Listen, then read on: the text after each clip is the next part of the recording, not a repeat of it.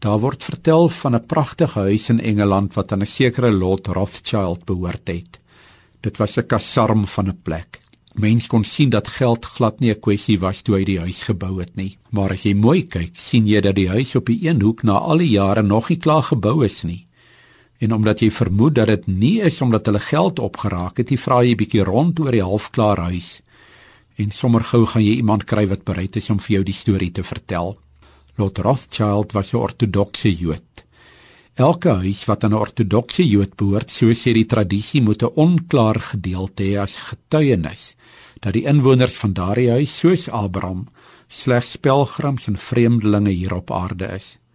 En uiteindelik beteken daardie halfklaar huis, hierdie huis is nie Lord Rothschild se finale huis nie, want hier op aarde is hy slegs besig met sy reis op pad na die ewigheid waar hy 'n volledige klaargeboude huis sal kry. Die ortodokse Jode wil met hierdie gebruik iets sê van die tydelikheid en die verganklikheid van ons mense hier op aarde. So asof hulle wil sê ons moenie hier op aarde wortel skiet nie. Ja, natuurlik bou ons huise, ons koop en ons verkoop, maar ons maak onsself nie so vas aan ons goed dat dit vir ons moeilik is om ons daarvan los te maak nie. Miskien begin jy nou al die gevoel kry waarop ek vanaand afstuur. Daar kom tye in elke mens se lewe waar jy maar baie klein en nietig en baie keer uit beheer uit voel.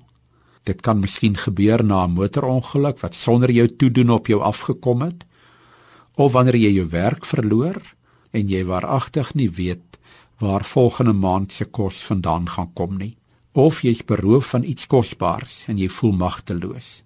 'n Mens voel veral nietig wanneer die dood jou lewe op een of ander manier kruis.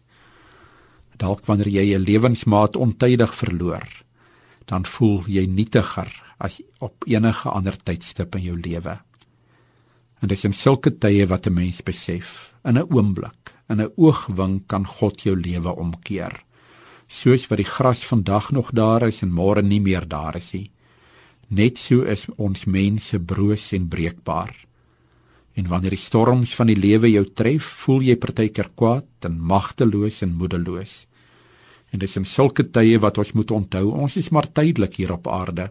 Dit wat ons hier beleef, is maar 'n stukkie van die groot ewigheid. In 2 Korintiërs 4 vers 7 lees ons: Ons wat hierdie skat in ons het, is maar kleipotte wat maklik breek.